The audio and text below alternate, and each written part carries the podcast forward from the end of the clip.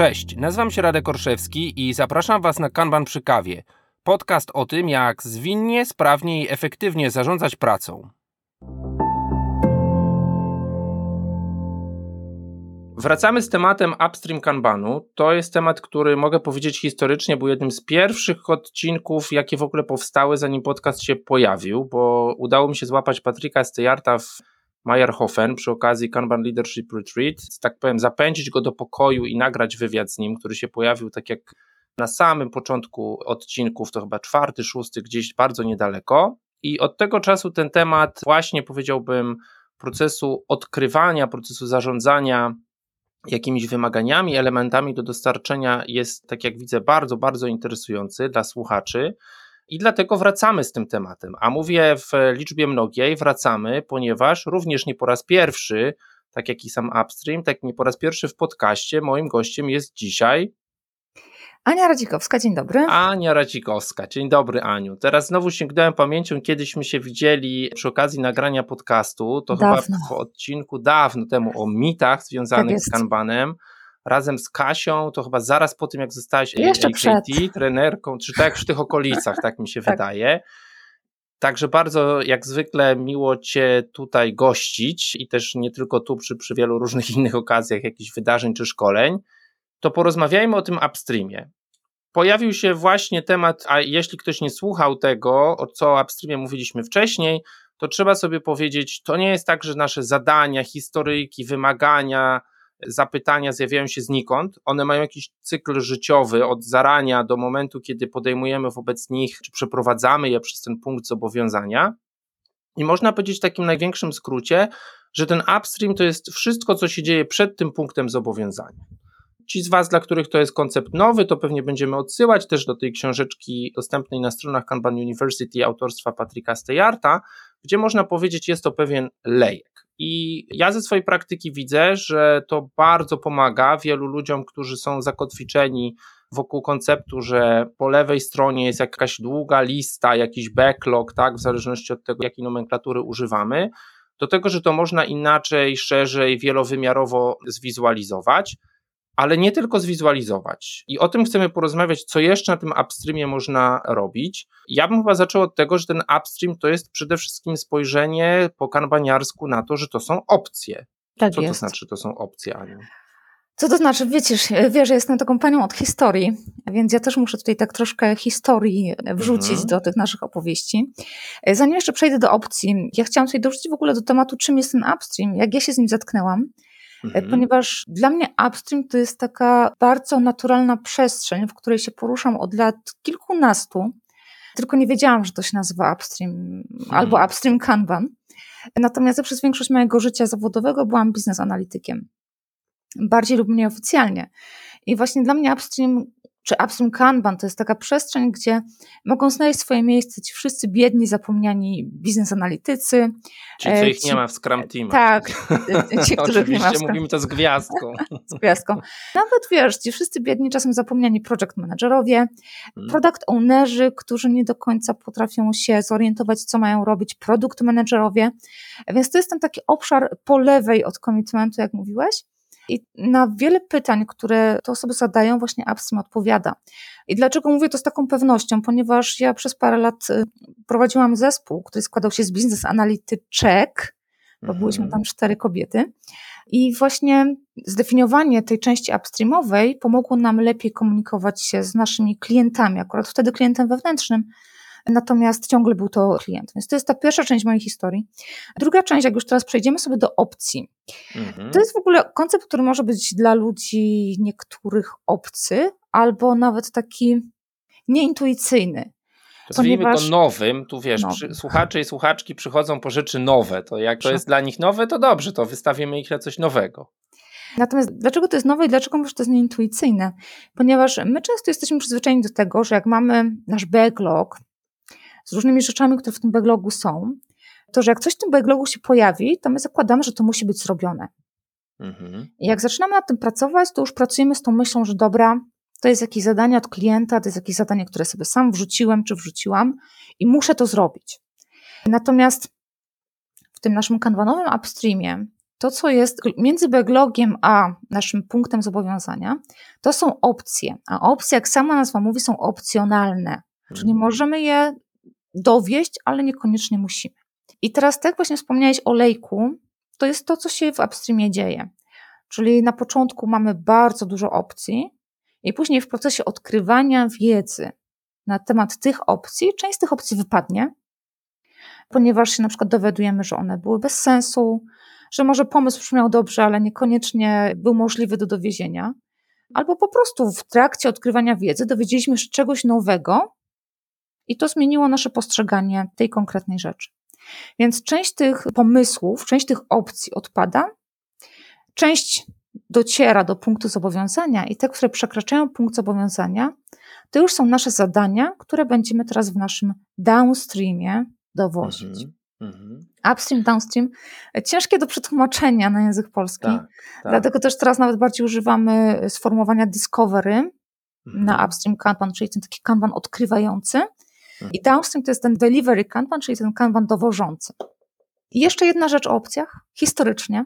Może się część z Was zetknęła z takim artykułem Real Options Underlie Agile Practices. I to jest artykuł dwóch panów, Olafa Massena i Chrisa Matze. Myślę, że wrzucimy link gdzieś w Na podcaście do tego tak artykułu, jest. gdzie po raz pierwszy tak naprawdę pojawia się koncept opcji w upstreamie, znaczy w ogóle opcji w szeroko pojętym agile'u.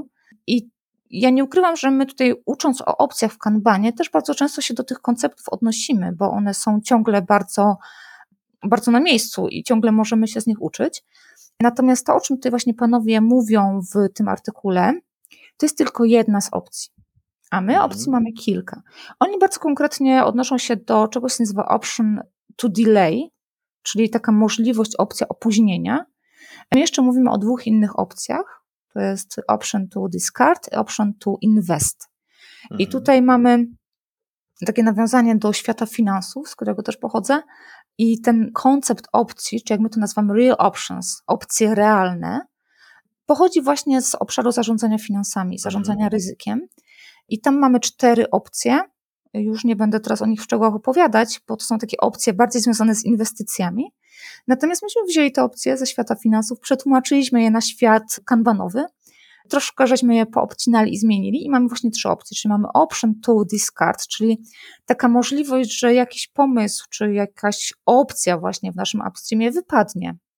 Mamy option to shelf, czyli dosłownie odłożenie na półkę, mhm. bo nad czymś pracujemy, ale mamy za mało informacji, żeby zdecydować, co robimy dalej, więc po prostu odkładamy to na półkę i będziemy do tego wracać później, jak się dowiemy więcej.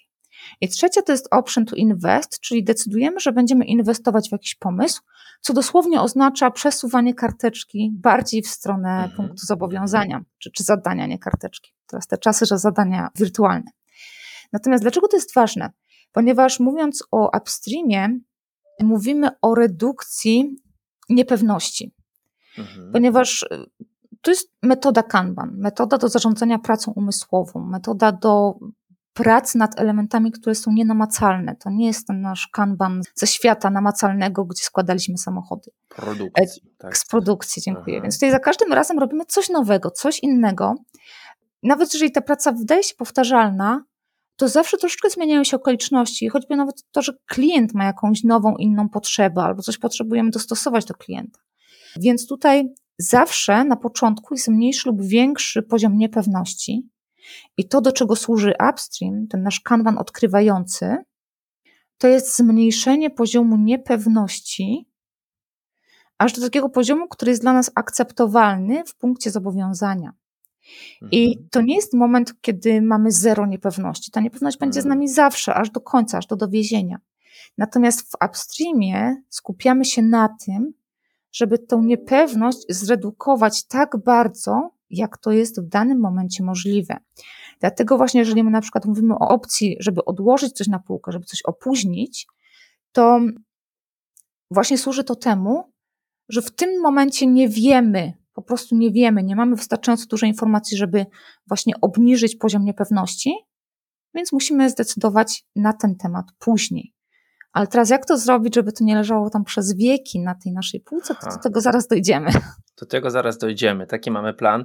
Bardzo mi się podoba to, co powiedziałaś o tym lejku, o tym zmniejszaniu niepewności, ale też ten komentarz dotyczący tego, że nigdy nie będzie tak, że będziemy mieli taką właśnie pewność, tak, zerową niepewność. No oczywiście można powiedzieć, jeśli nie kontrolujemy warunków, tak, wszechświata, rosnącej entropii, to się po prostu nie uda. I mam od razu takie spostrzeżenie, że często właśnie przedstawiają koncept Discovery czy Upstream Kanbanu, rysując ten właśnie przykładowy lejek, zaczynamy obserwować no, przede wszystkim różne etapy, na których te elementy są, tak? Czasami to jest jakaś dekompozycja, czasami to jest mhm. właśnie jakiś prototyp, czasami to jest jakaś bardzo prosta, niskokosztowa walidacja jakiegoś pomysłu, żeby właśnie uzyskać te informacje, ale i tutaj właśnie pewnie dojdziemy zaraz do drugiej praktyki, takiej powiedziałbym upstreamowej, to jest to, że niestety z tego lejka nic nie wypada. To znaczy, nawet jak nadamy temu kształt lejka, to właściwie po prostu te rzeczy tam kisną i mhm. kisną, tak? Ostatnio usłyszałem i jakby promuję to określenie, że backlogi to są kompostowniki wymagań, tak? I jakby boję się, że tak to naprawdę wygląda, że owszem, mamy kształt lejka, mamy nawet jakieś minimalne, maksymalne WIP limity, tak? Które mówią, ile powinno przejść zdrowo do następnego etapu, ale właściwie nic nie wypada, tylko te rzeczy mhm. przechodzą wskutek bardzo powolnego, jeśli w ogóle obserwowalnego ruchu. I co wtedy, Aniu? Czy ty też to widzisz i co by Upstream tu proponował? Tak, widzę. I wiesz, tutaj tak teraz przychodzą mi do głowy dwie techniki, czyli mhm. właśnie i ten triaż, o którym mhm. już pewnie parę osób słyszało, chociaż może w innym kontekście. Pandemii. tak, pandemii, tak. niestety, niestety pandemii. Mhm. Tudzież druga technika, która się nazywa time guillotine, czyli dosłownie gilotyna czasowa. Ja o. może od tej drugiej zacznę, bo przyszło mi od razu do głowy, jak mówiłeś o kompostownikach backlogowych. Ja tutaj, jak próbuję ludziom wytłumaczyć właśnie o co chodzi z tym upstreamem i z tym backlogiem, to zazwyczaj podaję przykład mojej lodówki. Ja robię zakupy raz na tydzień, bo mam do sklepu parę kilometrów, nie chce mi się codziennie jeździć, Aha. E, więc robię raz na tydzień większe zakupy. No ale żeby zrobić takie zakupy, to muszę wcześniej opróżnić pewne przestrzenie w moim domu, konkretnie w mojej kuchni, łącznie z lodówką. I teraz, jeżeli wracam po takich zakupach i mam ze sobą te 3 czy 4 torby na cały tydzień i otworzę lodówkę i tej lodówki wcześniej nie opróżnię, no to choćbym nie wiadomo, co robiła, więcej tam w tą lodówkę nie wcisnę. Mhm. I dokładnie tak samo się dzieje z naszymi backlogami. Bo takie narzędzia bardziej tradycyjne, typu tablica na ścianie, mają pewne naturalne ograniczenia. Możemy tam powiesić nie, 50 karteczek. Więcej nie wejdzie, no, chyba że zaczniemy je składować. jak się podkleja karteczkę. Ja właśnie chciałam to powiedzieć, ale może, może nie, nie mówimy okay. o takich patologiach karteczkowych. Natomiast do czego zmierzam, że jeżeli mamy narzędzia, zwłaszcza elektroniczne, to tam możemy tych zadań tworzyć i tworzyć i tworzyć i mhm. tworzyć. I jeżeli sobie sami tam nie wrzucimy ograniczenia, no to te narzędzia nas same nie ograniczają. I teraz do czego zmierzam? Ja ostatnio widziałam w swojej praktyce krytyczne defekty, które miały 10 lat. Hmm. Więc jeżeli coś jest krytycznym defektem dziesięcioletnim, to ja z całym szacunkiem, przepraszam, ale nie wierzę w jego krytyczność. Po prostu nie wierzę. Ale dlatego to jest łatwe. To w ogóle dobrze możemy... wróży, że po 10 latach ten sam system jest na produkcji, nie? Tak. Dobrze, dobrze. Natomiast wiesz, do czego zmierzam, że tą lodówkę trzeba opróżnić. Jeżeli coś jest Jasne. fizyczne, namacalne, widzimy to nasze zapasy, mhm. które w tej lodówce czasem leżą i gniją, mhm. kompostują w tej lodówce. Mhm to możemy coś z tym zrobić. I wiem, że coś musimy wyjąć, żeby coś włożyć. Jeżeli coś mamy w formie online, to to jest dużo trudniejsze, bo wymaga od nas dużo więcej dyscypliny. Potem jest łatwiej dokładać, trudniej wyciągać. I tu jest taka praktyka upstreamowa, która jest dość trudna do wdrożenia, ale możliwa. Czyli jak mówimy o tej opcji, żeby coś odłożyć na półkę, to ta półka też powinna być zlimitowana. Czyli nakładamy limity pracy w toku na półkę. I traktujemy tą półkę jak tą naszą lodówkę. Jak otwieramy półkę i widzimy, że tam jest pełno, no to nie dokładamy, tylko coś najpierw wyjmujemy, żeby coś dołożyć. To jest mhm. klasyka limitów pracy w toku. Natomiast druga rzecz, ta właśnie gilotyna czasowa, o której wspominałam, to jest coś, co ja z powodzeniem znowu stosuję od paru lat, jeszcze jak nawet nie wiedziałam, że Kanban istnieje. E, mianowicie dawno temu, jak byłam tym biednym biznes analitykiem, dostałam projekt w Jirze oczywiście, który miał ponad 3000 otwartych zadań. Mm. I dostałam te 3000 zadań do zarządzania. Powiedziałam, no nie, chyba nie. Absolutnie nie będę tego przeglądać. Co zrobiłam? Wyfiltrowałam sobie zadania, które miały oznaczenie czasowe po raz ostatni zupdate'owane w mhm. Pingliszu. Y, I wyfiltrowałam zadania, które nie były aktualizowane przeciągu ostatnich trzech miesięcy. I tych zadań było y, około 2800. Z tych 3000 zadań zostało mi 200, które były zaktualizowane. Więc do tych 2800 zadań wysłałam, tak naprawdę przygotowałam raport, wysłałam do osób, które stworzyły te zadania, część już nie pracowała. Aha. Oczywiście. I dałam tym osobom trochę czasu, jakiś miesiąc, wysyłam oczywiście przypomnienia regularnie raz na tydzień. Po miesiącu te zadanie po prostu zamknęłam. Aha. Oczywiście potem mnie różne osoby łapały na korytarzu i, i, krzyczały, jak mogłaś w ogóle, jak śmiałaś zamknąć to zadanie. Słuchajcie, no mieliście cztery przypomnienia. No śmiałam, śmiałam po mhm. prostu, taka jestem. Ale jak teraz o tym pomyślę tak retrospektywnie, ile tych zadań otworzyłam na nowo, to było około 20 zadań. Więc odbyłam 20 mhm. trudnych rozmów na korytarzu, tudzież w kuchni. Ciągle uważam, że 20 na 2800 to jest całkiem niezła skala. Dobre ratio. Dobre ratio. Tak, tak. E, tak, więc y, to, to była jedna z metod. Potem się dowiedziałam, że trzymiesięczny taki, to właśnie ten time guillotine trzymiesięczny, to było dość agresywne. Chociaż ostatnio słyszałam, że są zespoły, które stosują 90 dni, mhm. czyli jeszcze bardziej agresywnie. I tam to jest takie utrzymywanie zdrowego backlogu. Podobny przykład, już gdzie pracowałam z klientem, nie u siebie, że właśnie te stare, takie dziesięcioletnie krytyczne defekty. Mhm. Mówię, słuchajcie, no ale po co to tam trzymacie? Albo może się przydać. No dobrze, słuchajcie, no mój dziadek też tak wszystkie skarpetki kolekcjonował, ale to nie, nie o to chodzi. To nie są skarpetki, to są wasze zadania. Mhm. Ale to jest na dole backlogu i to nam nie przeszkadza, nikt na to nie patrzy. No tak, nikt na to nie patrzy, to po co to tam trzymacie? Mhm. No i tak żeśmy się przeszkadywali. No ale w końcu, po paru miesiącach, parę miesięcy gadania, końcu jeden z zespołów produktowych stwierdził, dobra, to wyczyśmy ten backlog. I rzeczywiście tam stworzyliśmy dokładnie taką samą zasadę, tylko że nie trzy miesiące, nie 90 dni, tylko rok. To zostało oczywiście uzgodnione i z zespołami deweloperskimi, i z zespołami wspierającymi, żeby tam jakieś zadania nie umknęły przez przypadek. I po prostu została ustawiona automatyzacja w systemie, która te zadania czyści. Mhm. Więc to się da zrobić. Znowu w innym zespole, który miał trochę większy problem z tym, stwierdziliśmy, dobrze, może nie rok, ale trzy lata. Zaczniemy od mhm. trzech lat. Do czego zmierzam, że ten time guillotine to może być miesiąc, może być pół roku, może być rok, może być trzy lata.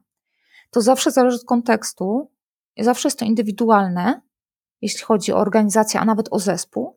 Natomiast zawsze warto od czegoś zacząć, ponieważ z ręką na sercu obiecuję Wam, że 99% tych zadań będzie zamknięte i nigdy do nich nie wrócicie. Mhm. A jeżeli będziecie mieli głęboką potrzebę, żeby sobie te zadania analizować, to po prostu wtedy zrzucacie sobie raport i analizujecie, jak nie macie nic lepszego do roboty. Okay.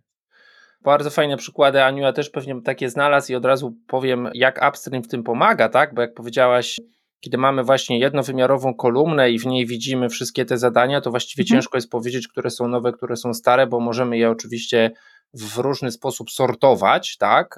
Właśnie przez wizualizację, czy w ogóle rozdzielenie tego na różne etapy, widzimy też, ile to stoi w danym etapie, tak? Ja być mhm. może nawet w którymś odcinku podcastu o tym opowiadałem, że zdarzyło mi się też u klienta tak jakby szukać takiego właśnie, powiedziałbym, też pewnie nieuświadomionego na tamtym etapie poziomu akceptowalnego dla tego time guillotine, no bo jakby znalazłem element, który tam, wiesz, stoi w Jirze 200 dni, tak? Już tych kropek nie przybywa, bo już się nie mhm. da.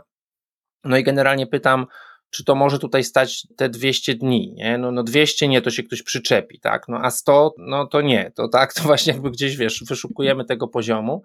Ale myślę sobie też o tym, co powiedziałeś z tą lodówką, tak? Bo pewnie idąc dalej właśnie do triażu, będziemy sobie mówili o tym, że różne elementy naszych backlogów, naszych upstreamów się różnie starzeją, tak? Ja może tutaj się tak uzewnętrznię, bo tak jak powiedziałeś o tej lodówce, to ja w sumie też.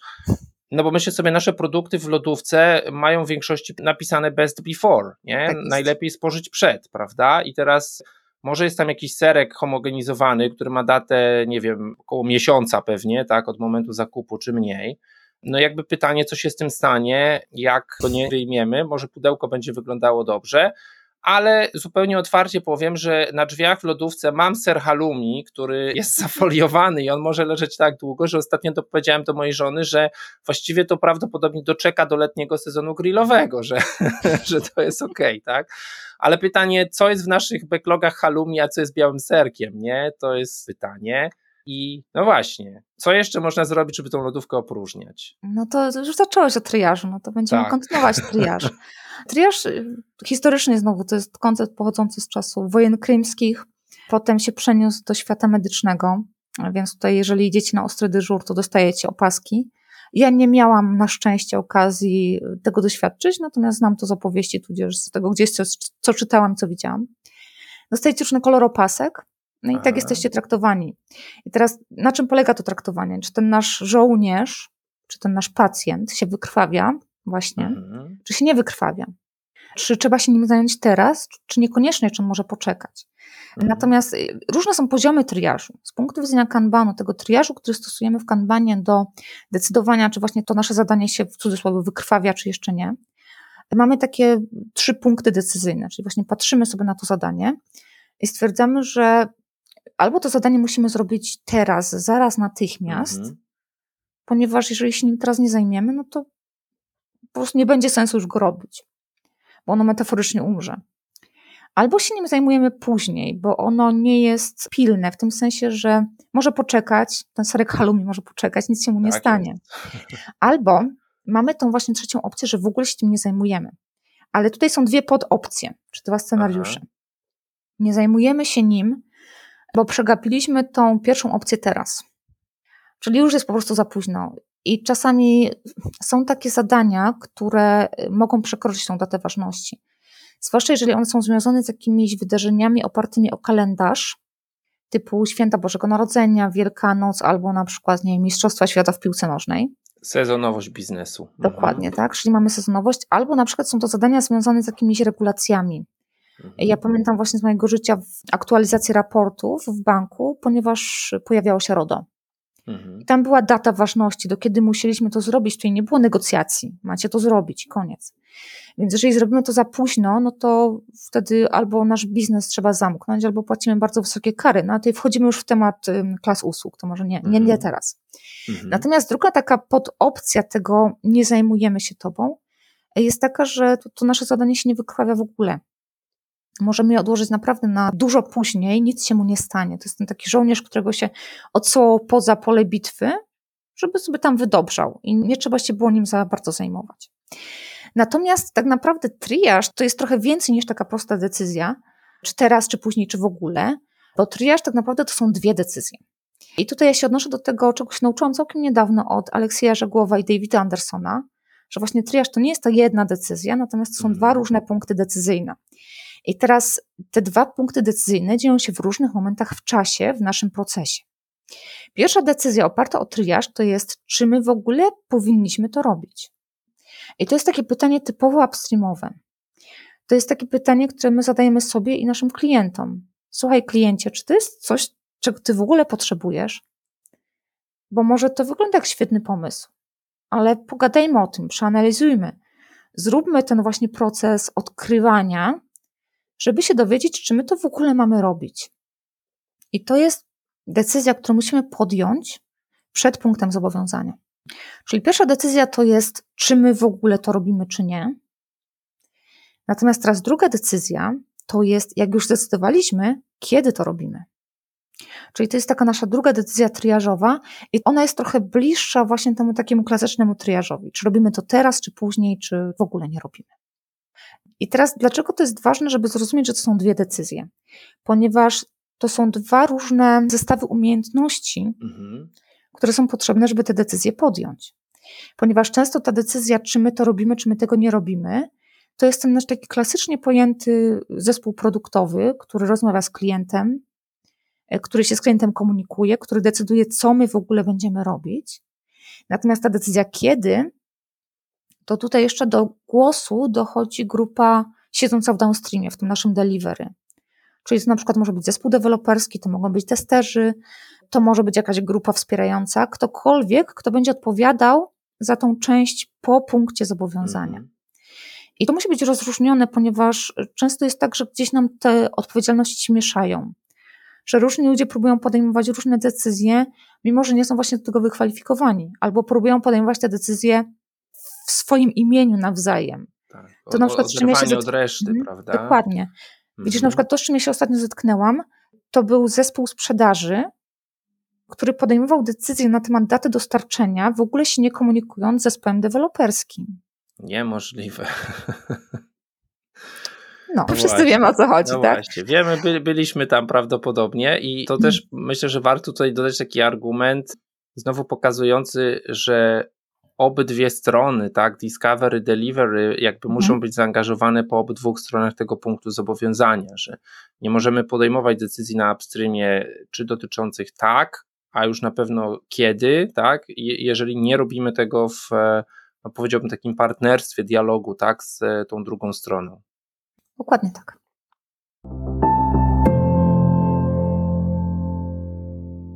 Dziś w krótkiej wrzutce reklamowej informacje o szkoleniach. Bardzo ciekawa, mam wrażenie, jeśli zaciekawił Was ten odcinek, więc wysłuchajcie jej proszę. Pierwsza informacja dotyczy szkoleń stacjonarnych, bo piszecie do mnie, czy będą otwarte szkolenia stacjonarne. Będą. Próbujemy zorganizować je na początku czerwca, 8-9 czerwca w Warszawie, szkolenie Kanban System Design i na koniec czerwca 22-23 również w Warszawie szkolenie Kanban Systems Improvement. Jeśli jesteście zainteresowani odbyciem właśnie dwudniowego intensywnego szkolenia w Warszawie na żywo, to zapraszam. Zapisy jak zwykle na lineagile.ninja. Ale jest jeszcze jedna informacja. Jeśli interesują Was szczególnie te tematy, o których dzisiaj w odcinku rozmawiam z Anią, to chcemy po raz pierwszy do Polski sprowadzić szkolenie, które jest szkoleniem równoważnym do Kanban Systems Improvement, które nazywa się Kanban for Design and Innovation. To szkolenie odbędzie się online. Zapisy, informacje na temat tego szkolenia znajdziecie na specjalnej dedykowanej stronie lineagile.ninja ukośnik KDI, jak Kanban for Design and Innovation. Jeśli więc jesteście product ownerami, jeśli jesteście produktowcami, jeśli jesteście może Scrum Masterami, Agile Coachami, którzy chcą poznać narzędzia, które pozwalają sensowniej zarządzać backlogami, opcjami, zapraszamy.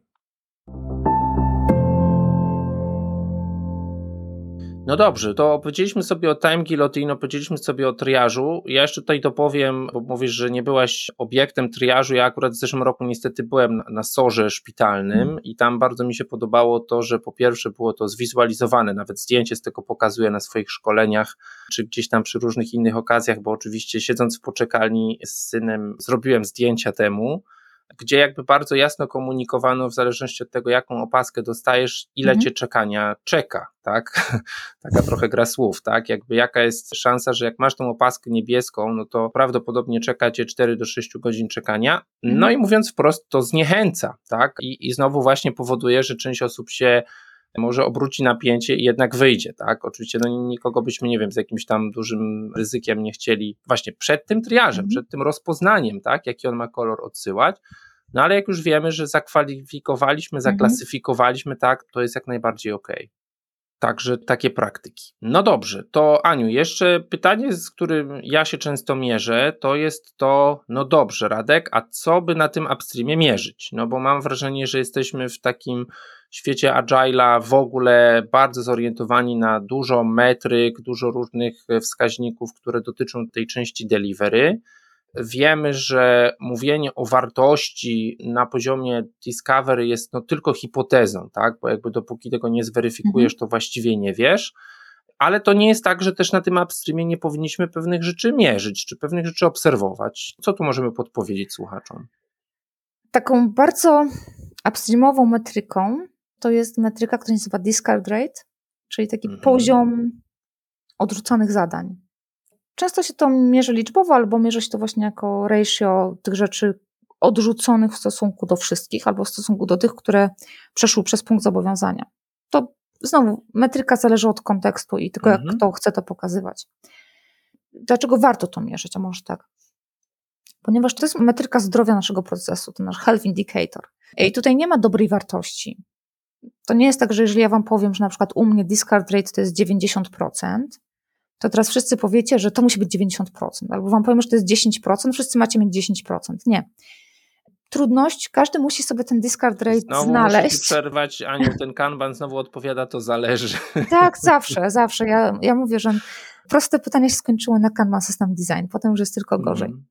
Więc każdy musi sobie znaleźć tą wartość dla własnego procesu i dla własnego kontekstu -hmm. i ustawić sobie właśnie ten taki, ten wskaźnik zdrowia, Czyli na przykład nasz zakres będzie powiedzmy między 40 a 60%. Ustaliliśmy, że to jest właśnie dobre dla nas i to mierzymy. Jeżeli widzimy, że to spada poniżej 40, no to zastanawiamy się dlaczego. Coś takiego wydarzyło, że nagle zaczęliśmy mniej zadań odrzucać, że do większej ilości mhm. zadań się zobowiązujemy. Albo jeżeli to bardzo rośnie, to znowu, co się wydarzyło? Dlaczego odrzucamy tak dużo pomysłów?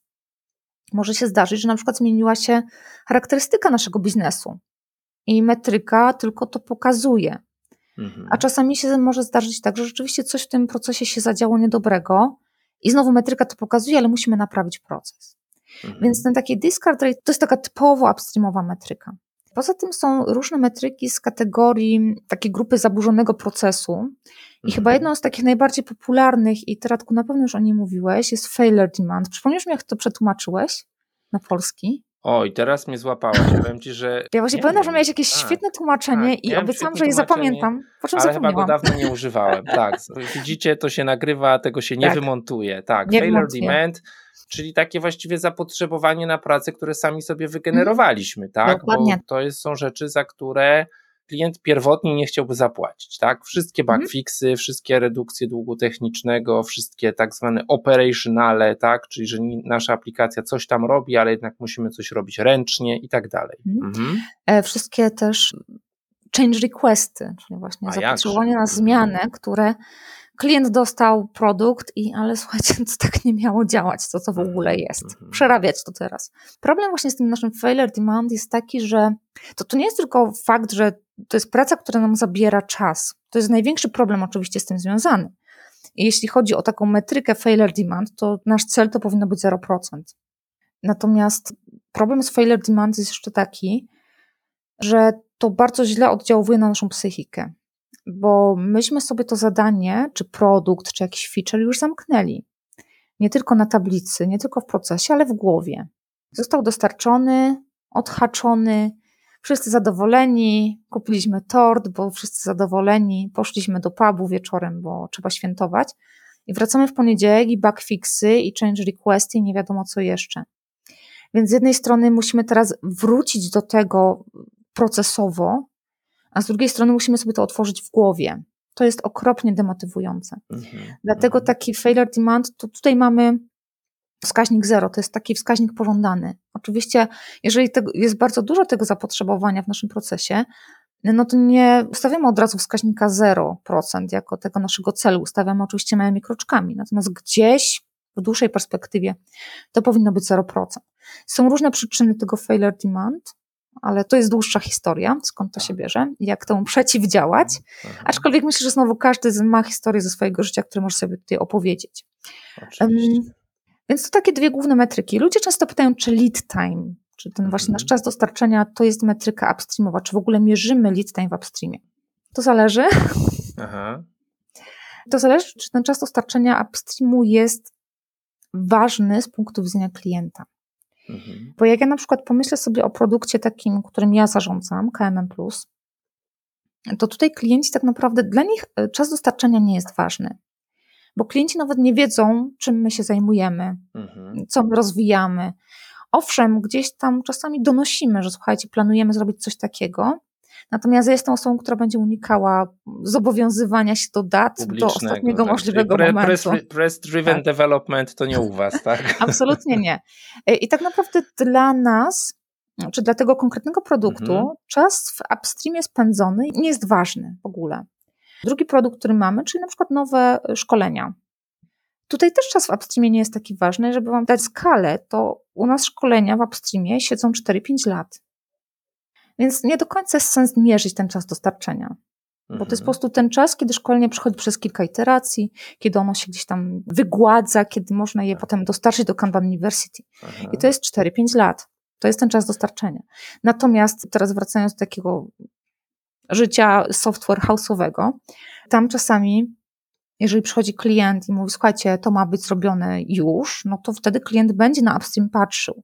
Mhm. Jak pracowałam niedawno z firmą, która obracała się w obszarze zamówień publicznych, no to tam to, już w ogóle pomijam pewne problemy związane z procesem, ale tam czas upstreamu też był wyliczony. Hmm. Więc czasami są takie sytuacje, gdzie musimy mierzyć czas w upstreamie, a czasami nie. I znowu to zależy od produktu, od naszego środowiska, od tego, jakie my też strategie przyjmujemy na rozwój produktów. Jasne, no tu też trzeba zrobić, mam wrażenie, dwa kroki wstecz, powiedzieć sobie, jeśli chcemy stosować time guillotine, no to musimy być świadomi może nawet nie czasu przepływu, ale czasu chociażby wygrzewania się w tym e, upstreamie, mhm. tak? Więc tak. jakby znów jak najbardziej będziemy mówić o tym, że tak jak mówisz, w różnych modelach biznesowych, w różnych produktach, usługach ten upstream będzie widoczny dla klienta i pewnie istotny, czas przejścia, tak, może być zupełnie niewidoczny, i może sobie wewnętrznie będziemy stosowali taki time guillotine i tyle.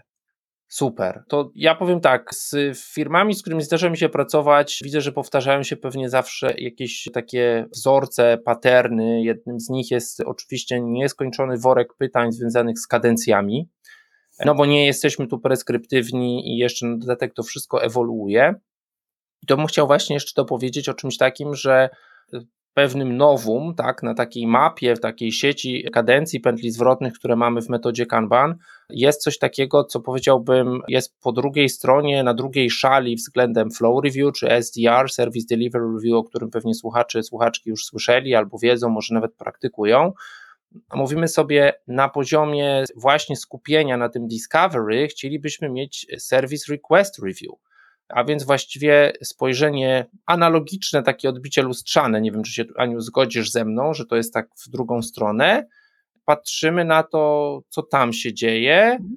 Ja też osobiście lubię w te spotkania wstrzykiwać patrzenie na jakość wymagań, które przechodzą, tak? Co byśmy jeszcze podpowiedzieli słuchaczom? A ty ci odbiję piłeczkę może, co? Ja się napiję herbatki teraz, a ty poopowiadasz o swoim Service Request Review i doświadczeniach, a ja ci potem opowiem o tym, jak ja miałam okazję to robić. Aha, Dobra, to jakby z mojej perspektywy to jest bardzo ważne, że nie mierzymy tylko i wyłącznie właśnie przepływu i optymalizacji na jakieś, nie wiem, tempo czy ilość elementów, które mamy po stronie delivery. Wiemy, że ta strona delivery jest oczywiście na tym skupiona, do tego dedykowana. No ale bardzo często słyszymy takie, powiedziałbym, niezbyt partnerskie przerzucanie sobie ziemniaka w stylu, no, gdyby to na upstreamie poszło lepiej, tak, gdyby refinement poszedł lepiej, to tutaj też by poszło lepiej. Nie? I teraz pytanie właściwie, gdzie w organizacji jest taka pętla zwrotna, żeby się zastanowić, co, w jakim stanie i jakie decyzje właśnie dotyczące tego, że tak albo nie, albo że teraz, albo nie teraz, tak, są podejmowane. I mam wrażenie, że dodanie tego Service Request Review jest szalenie istotne, ponieważ możemy wszystkie te elementy tam zawrzeć i znowu zrobić to transparentnie i pokazać, jakby zaprosić obydwie strony, bo tak jak sobie powiedzieliśmy, to znowu nie ma być tylko i wyłącznie spotkanie białych kołnierzyków, które będzie sobie budowało po prostu na poziomie frameworku wishful thinking, tak, naszą roadmapę, releasy czy coś w tym stylu, tak, więc ja myślę, że jeśli tak jak mówimy w ogóle Kanban jako metoda skupia się na tym balansie pomiędzy demand a capability, tak, no to to jest właśnie ta faza demand i, i zarządzania tam. Tyle mogę dopowiedzieć. Okay. E, to ja może na początek e, rozwieję taką wątpliwość, która się często pojawia w czasie szkoleń. Bo ludzie właśnie jak są Service Request Review, to robią sobie analogię do Scrama, e, że to jest refinement. I teraz to, co chciałam powiedzieć, to absolutnie nie jest refinement.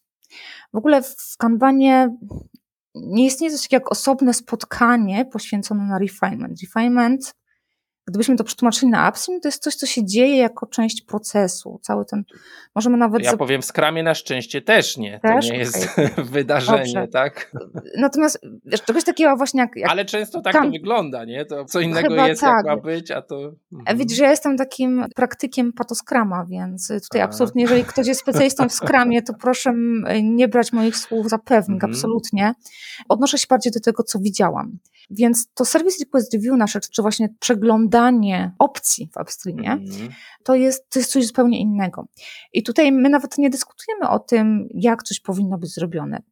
Głównym celem Service Request Review jest przejście przez nasz system upstream, popatrzenie na te opcje, które mamy w upstreamie, w różnych etapach rozwoju tego pomysłu i na każdym etapie zdecydowanie, po pierwsze, używając opcji realnych, czy my w tym momencie już jesteśmy w stanie podjąć decyzję, że inwestujemy w coś, czyli przesuwamy to dalej na prawo, albo że coś odrzucamy, czyli to trafia do naszego kosza z tymi rzeczami odrzuconymi, albo że po prostu nie wiemy i to trafia na półkę.